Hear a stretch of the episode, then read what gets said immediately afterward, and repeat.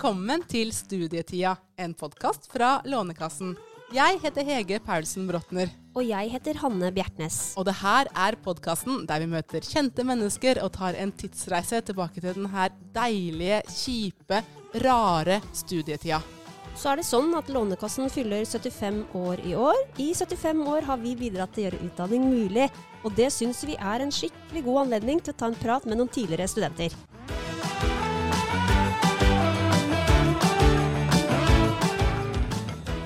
I dag har vi hatt besøk av eh, Olav Skjenn, som er porteføljeforvalter i Storebrand. Ja, og han fremstår jo som en veldig hardtarbeidende fyr, og det var han jammen meg i studietida òg. Ja, Han sa faktisk at han følte seg litt ensom på Blindern, for han var på lesesalen mye lenger enn alle de andre. Men da han kom til London, da var det plutselig Da var han ikke aleine om det. Nei, i London følte han seg hjemme. La oss høre på praten med Olav.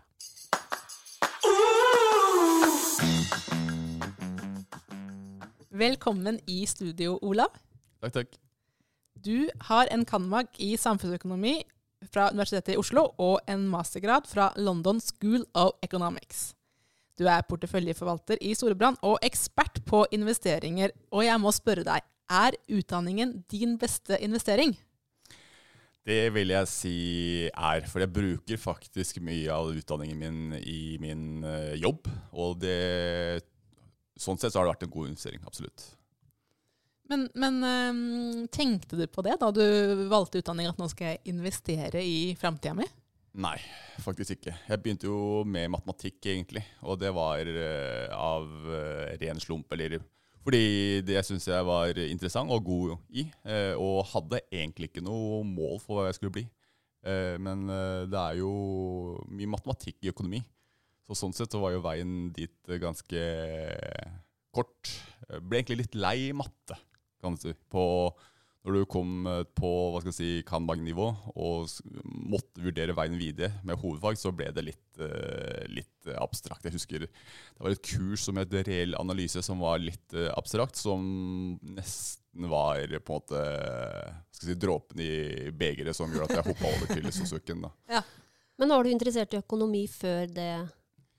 Eller var det da du begynte å Vi hadde på Matnat, som det vel heter nå fortsatt uh, også, så var det noen kurs som heter matematikk og økonomi. Eh, og det tok jeg og en kompis uh, et par av. Det var tre kurs, tror jeg, men vi tok, uh, vi tok faktisk alle tre. Og så vekte det liksom litt interesse rundt, rundt økonomi, da. Og jeg har egentlig alltid vært en, si, en praktiker, egentlig. For meg så er matematikk mer en, si, en eh, noe man kan benytte i andre fag, f.eks. Eh, og sånn sett var veien til eh, sosiøken, eller samfunnsøkonomi, veldig kort. da. Men hvordan var det da du, da du vokste opp? Jeg har lyst til at du jobba på familierestauranten fra du var eh, ganske liten. Var du interessert i økonomi da? Nei, jeg vil ikke si jeg var interessert i økonomi. Eh, det var jeg ikke. Men eh, jeg kunne regne. Det kunne jeg. Men det var ikke noe ikke sånn eh, Interessen for matematikk eh, kom egentlig på eh, videregående. Eh, hadde veldig gode lærere der, og spesielt en eh, mattelærer som på en måte vekket interessen og på en måte hva skal si, tente gløden eh, i faget i seg selv på mange måter. Eh, var jo også en, på en måte en realist for jeg tok fysikk, kjemi og matematikk, men matematikk var på en måte den eh, enkleste veien egentlig eh, videre, da. For det var vel ganske universell på mange måter. Litt tilfeldigheter. Var faktisk litt lei eh, Blindern og matematikken. At jeg tok militæret også, ikke sant. Og så endte med litt tilfeldigheter. Altså en kompis som skulle hoppe over til samfunnsvitenskapelig fakultet, og jeg ble med egentlig på det lasset der, da. Hvordan var den overgangen da, fra matte til sosøk? Ja, det var veldig enkelt, faktisk. Fordi det folk slet med, eh, husker jeg, var jo faktisk matematikken eh, og statistikk. da.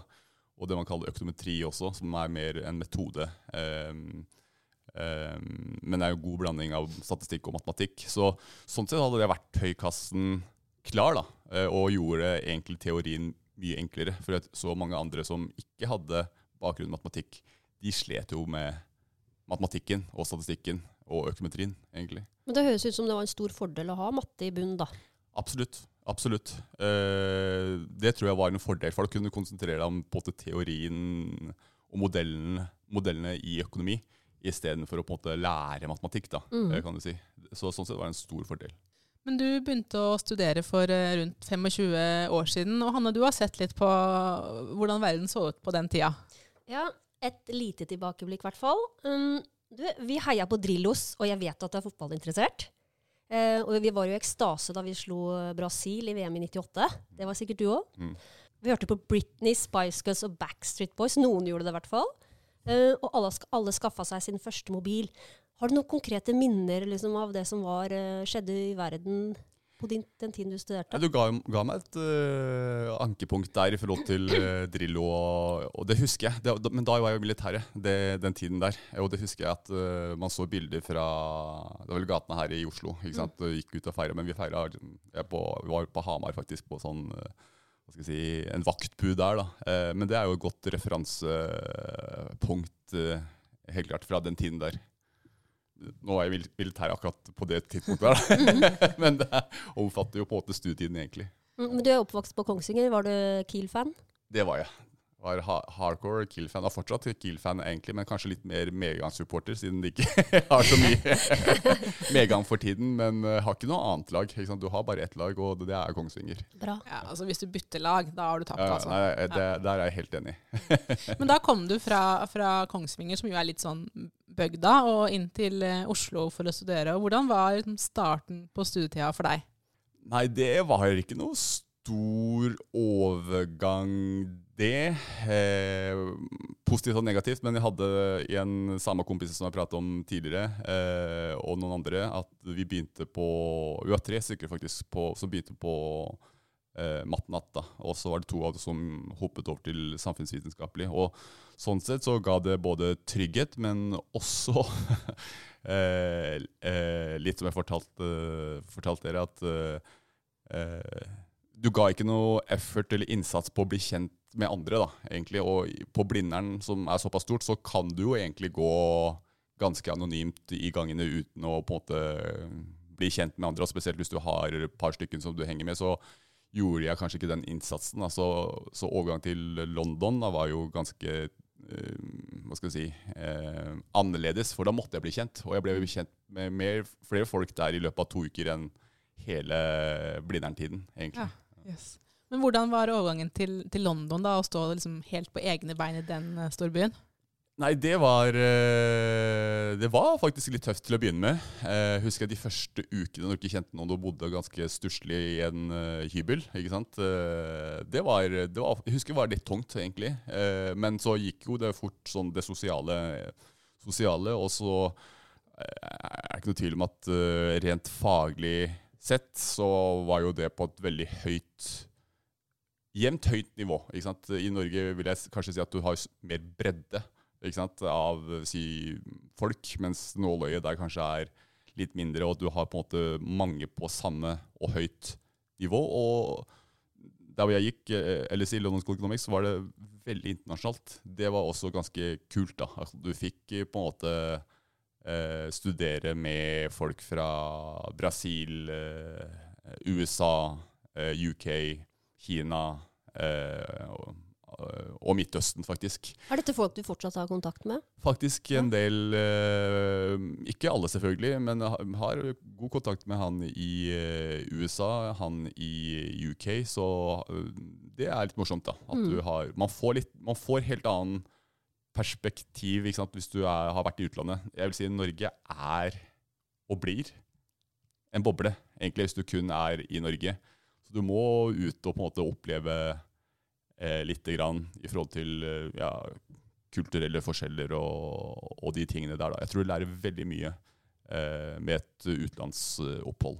Men med tanke på arbeidsinnsats, eller hvor mye arbeid man la ned i studiene, merka du stor forskjell i Norge versus Veldig stor forskjell. mm. Eh, nå vet jeg ikke om min, Mitt referansepunkt er jo LSI, eh, men jeg vil si at eh, det pensumet man hadde der på ett år, er toårspensum du hadde hatt på, på Blindern. Eh, det er jeg ganske sikker på. At man ble kjørt ganske eh, hardt eh, der. Og Jeg har faktisk en nevø som skal begynne der også, og han også hører skrekkhistorier hvor, hvor de nesten med vilje stryker 20% til uh, juletentamen, heter det, ikke eksamen. Bare for å på en måte uh, få folk til å skjerpe seg.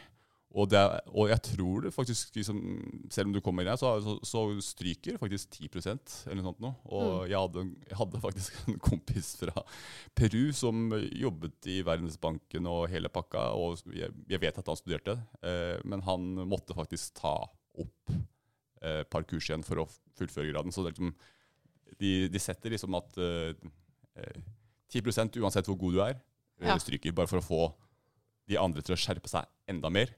Og det er jo det som gjør at de også ligger i antageligvis i verdenstoppen også. At du, mm. den, du, kjenner den pisken på mange måter, eller at man puster deg i nakken. At det er ikke sånn at alle kommer til å bestå uh, uansett. Og jeg, jeg merker På Blindern så var det sånn Jeg jobbet hardt, og det har jeg aldri lagt noe imellom. Liksom, jeg husker jo når du satt der alene i, på lesesalen på Blindern, eh, f.eks. i helger, og så blir du jo litt ansett som litt nerdete eller streber. ikke sant? Mm.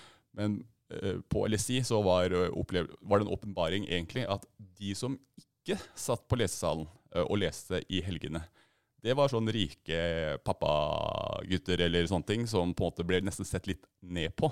Ja. Eh, og jeg husker veldig godt Der er det ekstrem konkurranse også. Den beste kandidaten eh, var en dame. Eh, hun var den som på en måte sovna på lesesalen i helgene. Liksom, og som endte med å være den beste. At du måtte gjøre en innsats. Det hjelper ikke om du har rike foreldre som på en måte kaster liksom, du, Gjør du ikke det, innsatsen, så kommer du ikke gjennom eh, nåløyet. Og det, det var jo for så vidt en, eh, en åpenbar Men også litt sånn eh, litt deilig følelse. ikke sant? For hvis, du sitter på Blindern du blir jo, Man kan få litt sånn stempel som litt nerdete eller streber. og ikke gjør, som, Hvorfor gjør du det? Eh, mens der var det forventet at du skulle gjøre det. Hvis du mm. ikke gjorde det, så ble du sett litt ned på som potensiell eh, eh, rikmannsbarn. hvis du skjønner. Ja. Men var du um, Hadde du nerdestempelet på Blindern?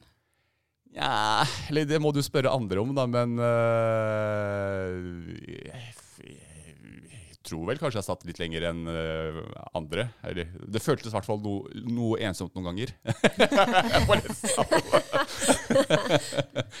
men tenkte du da at uh, folk legger for lite jobb i studiene? Ja, egentlig. For jeg tror konkurransen kommer til å bli veldig hard eh, fremover, ikke sant? internasjonalt. Eh, eh, men også, det er også noe med Jeg, si, jeg, tror, jeg, tror, kanskje ting har endret seg. Jeg har hørt at kanskje ting har endret seg litt. Men jeg husker jo også tilbake til Kongsvinger og barneskolen der. Da, men, men, jeg vet ikke om dere kjenner igjen det, men mange som jeg prater med, kjenner igjen det. At når du spør om smalltalker og spør om uh, de smarteste har, har du lest i prøver, så, så, skryter man alltid ned innsatsen som om det er en, uh, noe negativt å ha lest mye.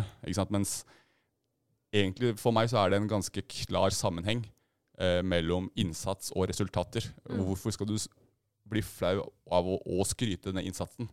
Som om man skal være flink uten å ha lest, eh, da. Jeg mener at det er en, Selvfølgelig finnes det kanskje folk som tar ting litt kjappere enn andre, men det er allikevel en sammenheng mellom eh, innsats og resultater. Og der hvor du på en måte ikke har den, da, ser du typisk i idrett. Der er, der, er, det forventet at du skal gjøre x antall timer som Sundby eller Johaug, og du ser resultatene. Men eh, av en eller annen grunn, så jeg vet ikke om det er janteloven eller hva det er, men jeg vet ikke om det er noe dere har opplevd selv, men man, man på det skryter ned innsats. Men det man uansett vet, er jo vedkommende har lest. For når du ser på resultatene av prøven, så har vedkommende eh, gjort det bra. Men man, man snakker ned innsats som om det er eh, noe negativt. da. Mens jeg mener at du bør egentlig snakke frem mm. innsats. Mm. Fordi det er en, et premiss for at du vil gjøre det bra. Mm.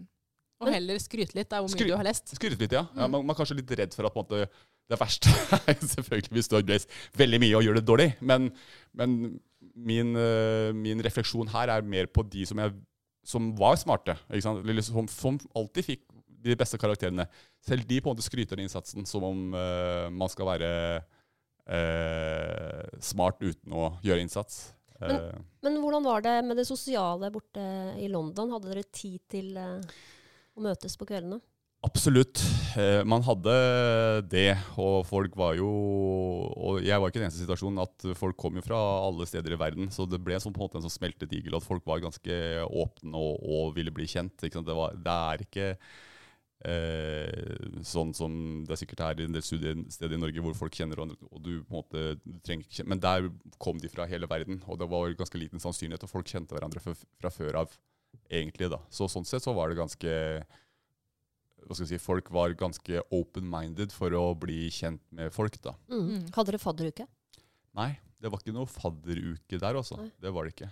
Eh, jeg vet ikke om det er noe særnorsk greie, men det, så vidt jeg kan huske, så var, det, var det ikke noe fadderuke. Det er jo en forlengelse av russetida, så det er Ja. sikkert. Ja, sikkert noe norsk, ja. Men, men hvordan var det, Ola? Drev du og festa under studietida? Ja, men ikke mye. Jeg har aldri vært en stor fester, egentlig. Men eh, det ble jo sosiale ting. Men uh, jeg, som den gang som nå, jeg tar den jo aldri helt ut, for å si det sånn. Hvorfor ikke? Nei, jeg vet ikke. Jeg liker å kontroll, håper jeg å si. Ja. Ja. Mm. Men hva gjorde du når du skulle være sosial, og når liksom økta på lesesalen var slutt? Nei, det var eh, Vi hadde eh, Vi hadde på en måte sånn eh, middags...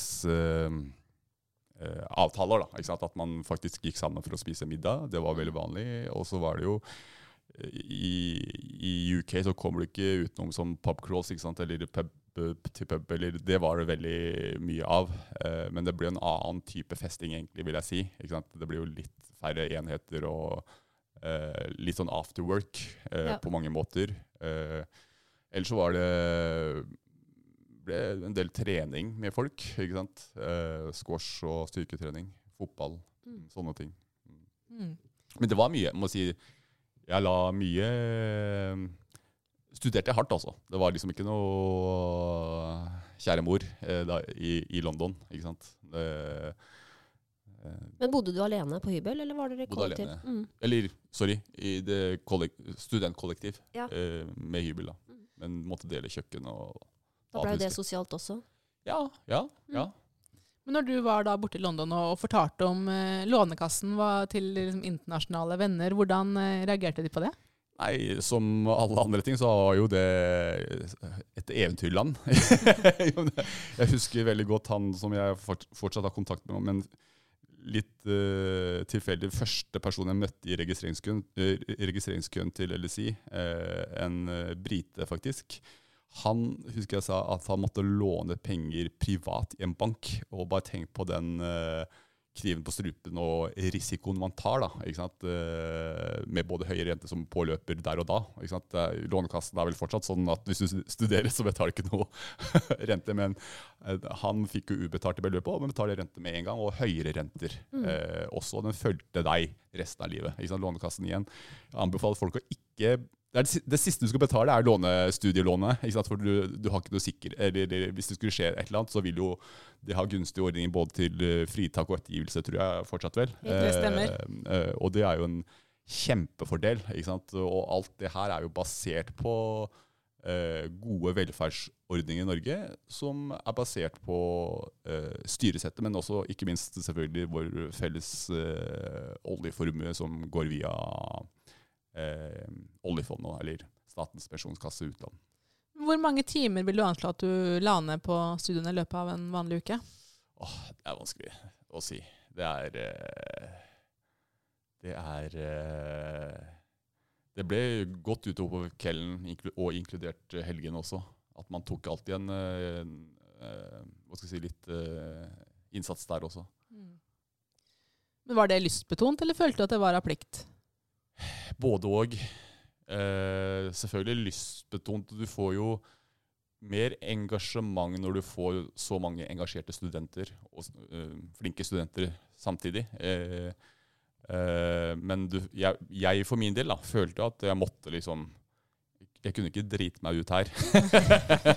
Igjen ikke sant, i forhold til Nå prater vi med Lånekassa, ikke sant? Eh, hvor du fikk både stipend og eh, lån. Jeg husker ikke hvordan insentivene var. Jeg vet ikke om det var sånne insentiver at du må, om du omgjør stipend til lån eller ikke, det husker jeg ikke. Men, eh, men eh, selvfølgelig lånet Det, det kosta da, for å bo i London og studere eh, i London eh, med skolepengene, eller skolegebyr, eh, som man hadde da også. Var du redd for å mislykkes? Eh, egentlig ikke, men jeg fikk en vekker. Jeg husker det var ett kurs av Du tar jo fire kurs, da. Hvor på en måte i den såkalte juletentamenen Men jeg skjønte i etterkant at det var for å skremme. Hvor det på en måte var ved grensen å stryke eller strøk. Da, liksom, da, da fikk du en vekker. Men det fikk meg til å jobbe enda hardere til den faktiske eksamen senere. Så det funka, den Det strategien deres? funka strategien. Men, men når du snakker om studietida, Ola, så er det jo egentlig London du trekker fram hele tida. ja, det er kanskje det. Ja. Var det det som var uh, kulest? Ja, jeg vil si det. Eller det formet meg i mye større grad. Sånn øh, både naturligvis person, men også faglig sett, da. Det tror jeg. Det tror jeg absolutt. Hva vil du si er det viktigste du lærte av det utenlandsoppholdet, da? Bortsett fra sånn porteføljeforvaltning? Nei, det var øh, på mange måter en annen type sant, utdanningssystem. Det var mye mer sant, På Blindern og de eksamene her så hadde du seks timer, og du hadde kjempegod tid. Du kunne til og med kladde, liksom. Mm. Mens øh, på de eksamensoppgavene som du hadde på, på, i London, så var det sånn at du enten så visste du det, eller så visste du ikke, og du hadde ikke sjans. Du måtte bare, du måtte bade, ba, bare ha det i, i, bak i hodet. Og eksamen var egentlig bare bevise, bevise og at du hadde det. Ikke sant? I Norge kunne du vet ikke, nå vet jeg ikke hva slags bakgrunn dere har, da, men i samfunnsøkonomi så er det sånne store modeller som du kan liksom Du kan bruke halve tiden nesten bare på å skrive, pugge en modell. Ikke sant? Men det er ikke sånn det er, det er ikke basert på pugg. Du må på LSI da, så var det sånn at du måtte, du måtte ha det eh, måtte skjønne det, og så måtte du bare bruke Du kunne få oppgitt den modellen, men du, måtte, du må skjønne hva den modellen er til. ikke sant? Du må ha liksom mye større grad bakgrunnskunnskap enn si puggekunnskap. da. Og det er litt uh, annerledes i forhold til Det er nok den in intensiteten og pensumet som var annerledes. eh, som nok har for, formet uh, ja, meg i dag, liksom, den jobben jeg har. Liksom. Det er intenst. ikke sant? Det er ikke Mm. sånn at du kan drodle rundt på en modell i seks timer uh, med kladding først. det er ikke tid til. Men du Olav, husker du når du fikk uh, studielånet på konto? Eh, jeg husker det, ja, i konto, og jeg husker faktisk at Ikke klagde litt, men fordi eh, du får jo betalt i norske kroner, så må du veksle pund. Og det husker på akkurat den tiden der, så var pundet faktisk veldig sterkt. da. Så jeg husker, husker eh, på den vekslingen og timingen av det. Og det er litt morsomt, da. Det har jeg ikke tenkt på, men det er jo, det er jo litt av det jeg gjør i dag, faktisk. Mm. Så, sånne ting, da. Eh, Men jeg husker faktisk jeg skrev et brev til den gang tror jeg det var Trond Giske, faktisk, som var et eller annet uh, i minister, om dette her. da. Eh, at, øh, vet ikke, Er praksisen fortsatt i norske kroner? ikke sant? Det har ikke noen form for valuta det, er en valutajustering da, er det, skjer. er det en valutajustering? Jeg tror ikke Mm. jeg fikk, jeg fikk i hvert fall ikke noen valutajustering. Så når pundet var så sterk, førte til at jeg fikk redusert eh, si, kjøpekraften med 10 da. Mm. Og det, som student eh, så teller det. ikke sant? Mm. Absolutt. Eh, Kanskje du var med på å sørge for at det ble en endring? Jeg får håpe det. Hadde vært gøy, det. Men hvordan husker du økonomien din på den tida, da? Nei, den var stram. Den var stram. Ikke sant? Eh, Jeg er jo evig takknemlig for Lånekassa. Ikke sant? Hadde ikke Lånekassa gitt meg den muligheten, så hadde ikke, jeg er ikke sikkert jeg hadde hatt den karrieren som jeg har hatt uh, heller. Jeg tror det var en døråpner sånn LSI også. og uh, spesielt, uh, som jeg husker veldig godt, sant, er at jeg fikk det tilleggsstipendet nå. Ikke sant? At utvalgte skoler, eh, Oxford, Cambridge, mange kjenner til de, eh, LSI, og så var det University of London, tror jeg. Hvis du kom inn på de fire skolene i eh, England, så fikk du tilleggstippen. Og jeg vet ikke om, jeg, du, får- vet ikke om dere har noe tall på det, men det var på 100 000 pluss-nivå i forhold til mer, og det teller jo selvfølgelig mye. Fordi skolepengene var ganske høye eh, i, eh, i eh, London, til tross for at man er fra Norge og er med på det i EØS-avtalen. Og så er det selvfølgelig dyrt å bo i, i London eh, også. Og jeg, sonderte, jeg hadde egentlig lyst til å studere det i USA, faktisk. Men tilsvarende gode skoler, eller kvalitetsskoler, hadde jo mye, mye høyere eh, skolepenger. Eh, og du, må, du er avhengig av uh, enten stipend uh, av noe slag, eller selvfølgelig rike foreldre da, som backa deg der. Mm. Tror du du hadde studert om det ikke var for Lånekassen? Jeg er faktisk usikker på om jeg hadde dratt til London. Fordi det var viktig den økonomiske delen. Så det hadde nok gjort eh, eh, jeg Nei, hvis, hvis ikke hadde fått et tilleggsstipen, så er jeg ikke sikker på om, om jeg hadde nødvendigvis dratt til London. Også. Da kanskje bare, Ikke at det er dårlig, men bare tatt en grad her i, uh, i Norge, da, eller på Blindern. Men jobba du nå ved siden av studiene noen gang i de årene? Uh, ja, jeg har alltid jobbet men unntatt London. Da, har jeg ikke tid, da hadde du ikke tid til å jobbe. Så. Så da, der måtte du tære på sparingen, eh, eller det du akkumulerte eh, ved siden av. Men jeg har alltid jobbet ved siden av studiene, eh, på bl.a. den Kina-restauranten. Ja, dro du hjem i helgene da og jobba der? Dro hjem i helgene. Ja. Jeg dro, selv når jeg er militær, så dro jeg hjem i helgene. Eh, jeg nevnte Hamar her, her først. Eh, Det var eh, gunstig sånn sett, men jeg var også i Evjemoen Mm. eh, ved Kristiansand der. Og da tok jeg toget eh, hjem, som tar fem timer eller sånt nå, eh, for å jobbe helgene, og tilbake. Eh, og jeg reiste hjem hver helg når jeg var i Oslo og studerte eh, også. Du reiser hjem hver helg. Til Kongsvinger for å jobbe, ja. Hva, du, hva slags jobb gjorde du på Nei, det var alt mulig. Alt mulig. Men det var vel servitør, da, som Mm. var eh, eh, eh, på, I den alderen så var det servitør. Men det har gått eh, hele hele hva heter det, eh, hele linja. Alle fra, rollene. Ja, alle rollene. Fra potetskreller til oppvask til kjøkken til eh, servitør. Men reflekterte du over det at du dro hjem og jobba hver helg mens medstudentene kanskje var på puben? Ja, det gjorde jeg. Det er en kostnad, eh, selvfølgelig. Eh, som byggekarakter, bygger karakter, da, tror jeg, da. Men eh, absolutt. Var det noen gang du satt på toget og tenkte sånn Nei, ikke en helg til. Eller var det liksom greit? Det var en form for pliktfølelse også, for du, eh, du vet at det hadde ikke gått rundt uten oss eh, som arbeids, fleksibel arbeidskraft eh, på mange måter. Men absolutt. Det, men det, det var, var faktisk ikke de verste stundene. De verste stundene var faktisk uten å Jeg vet ikke hvorfor jeg kom på det, men hadde en workshop med avdelingen min i, i Kragerø. Jeg har alltid vært glad i å spille beachvolleyball, eh, men de verste tidspunktene var i helgene når det var fint vær, eh, hvor gutta eller kompisene eh, spilte beachvolley i helgene ved et Jeg kan name-droppe Kongsvinger, og det er en golfbane der nå, da, men på Hva heter det? Lier, Lierfløyta. Eh, hvor eh, det var, det var det beste jeg kunne tenke meg den gangen. Fint vær å spille beachvolleyball og bade etter det og sånne ting. Men eh, jeg måtte jobbe, jeg, og det var eh, du- Du merker det, da. Ikke sant? Eh, Mm. eh, den pliktfølelsen og avveiningen der, da. Men hvordan tror du det har forma deg, at du har jobba så mye hele livet? Nei, det gjør jo at uh, At øh, arbeidsinnsatsen fortsatt uh, er med. Men jeg tror det former deg som person også. Eh, Det tror jeg. ikke sant? Uh, eh, gjør at du må gjøre Være effektiv og gjøre prioriteringer.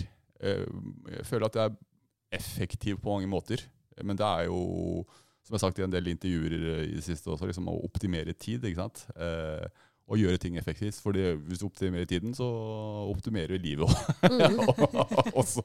Så å være effektiv er, er noe som jeg har eh, Og det kan du bruke matematikken til.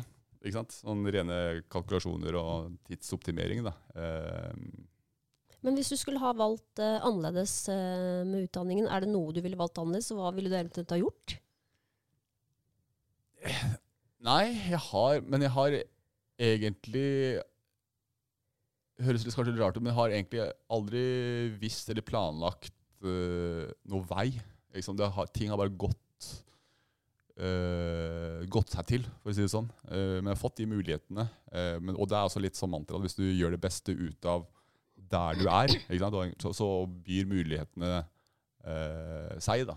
Mm. Er i hvert fall mitt, uh, mitt eh, inntrykk. Eh, jeg er jo litt nerdete, så jeg vurderte jo husker jeg fikk et tilbud om å ta doktorgraden, SSB. Men uh, igjen uh, Der spilte faktisk økonomi igjen uh, litt inn. Ikke sant? Jeg vil begynne å tjene penger Ja. fort. Eller ikke fort, men liksom har ikke tid til å forske tre år til, med mindre det var et tema som jeg virkelig brant for. Det, om jeg, jeg har ikke alltid det. Det er ikke noe sånn at jeg brer, liksom, Men liksom, det Mhm. bare går seg, og, og går seg til litt. Liksom, det går litt i bølger. Eh, og grunnen til at jeg begynte som jeg begynte som trainee i Storbrann. Og det var jo egentlig å bredde seg litt ut også. Det var, sant, trainee, da har du ikke noe bestemt Da, da søkte jeg ikke på en spesifikk jobb. Da prøvde du forskjellige ting. Men jeg endte jo opp med kanskje inn i mer tall, litt sånn nerdete faglige delen allikevel. Ikke sant? Ja, for da var- starta du som trainee, og så har du fått muligheter i Storbrann som du bare har gått videre på år etter år. da. Stemmer. Mhm. stemmer. Hvordan var overgangen fra studier til arbeidslivet, da? Uh, nei, den var eh, for så vidt uh, helt uh, grei. Eh, ikke noe ikke sant? Som sagt, Hvis du har gått på LSI, så er det, det er nesten mer det eh, Mm. enn å begynne å jobbe, eh, vil jeg si. Og hvis du også på Blindern jobbet sånn som jeg ved siden av, så er det walk in the park. Ikke sant? Du har fri i helgene. Det er jo sånn Det er jo eh, Det var ikke sånn før, for å si det sånn. Så for deg så var det egentlig litt chill å begynne å jobbe? Ja, jeg vil nesten si det. Mm. Men kan du noen gang koble av? Jeg er litt dårlig Eller det er nok en eh, hva skal jeg si, collateral damage i jobben. ikke sant? Eh, Jeg har jo en til tider ganske fleksibel rolle også, men, eh, men det her er jo en forbannelse og Mobilen? Ja, mobilen. Forbannelse og en fordel også, men, men jeg prøver jo å koble av til tider. Være, være streng på det, faktisk. Det er Mm. viktig.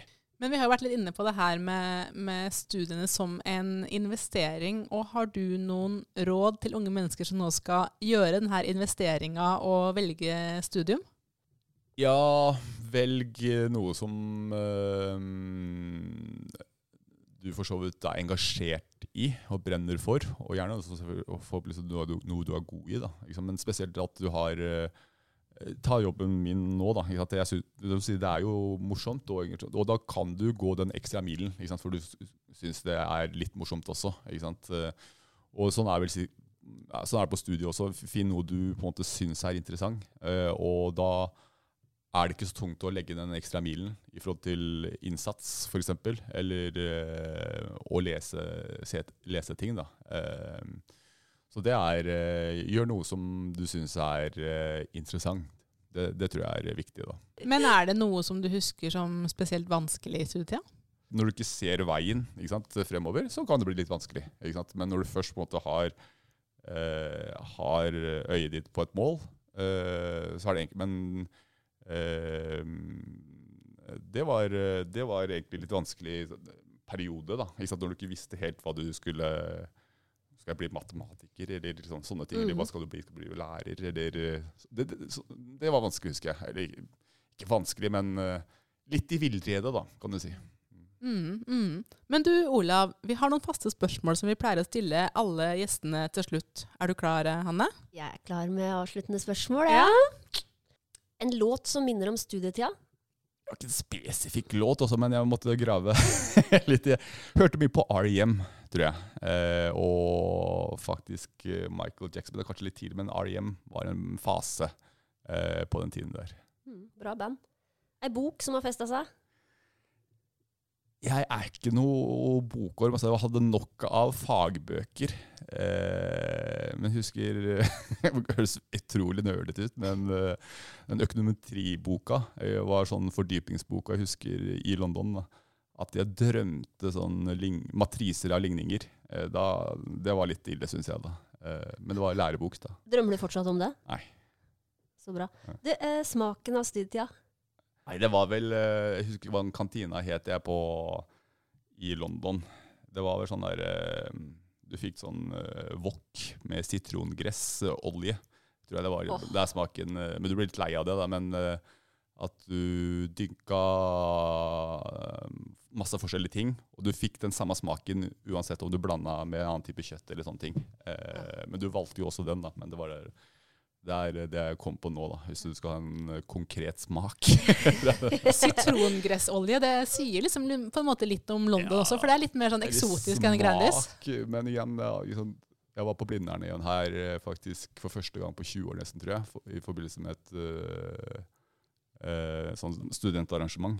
Men øh, jeg vet ikke om det finnes lenger nå, men de der gratisposene med posesuppe, det er også en sånn, et sånt minne. Og apropos kaffe, de, de dårlige og vonde kaffekoppene på, på Blindern. ikke sant? Du måtte ha det, men de var jo, det, var ekstra, det var ikke noe godt i det hele tatt. Eh, det husker jeg. Så her det kom mange smaker her. Ja. Det er bra. Men eh, Olav, tusen takk for at eh, du kom til oss og delte din studietid med oss. Takk for at du kom.